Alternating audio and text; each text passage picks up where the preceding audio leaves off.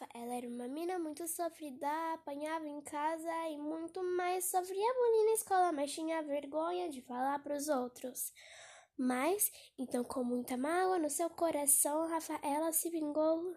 Aliás, Rafaela assassina, Rafaela fugitiva desapareceu com todos que um dia fizeram mal.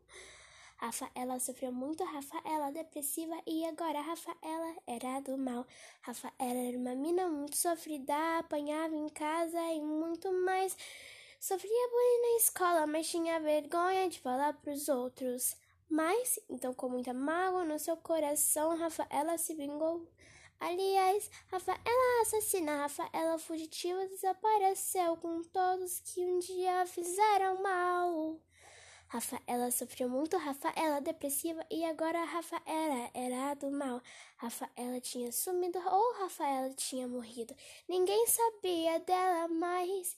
Isso já faz uns 20 anos, porém eu achei a Rafaela.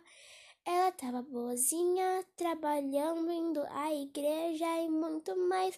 Só que um certo dia, o chefe de Rafaela desrespeitou. Ele ninguém viu ele. A mesma Rafaela de 20 anos atrás voltou e agora ela não pode mais fugir.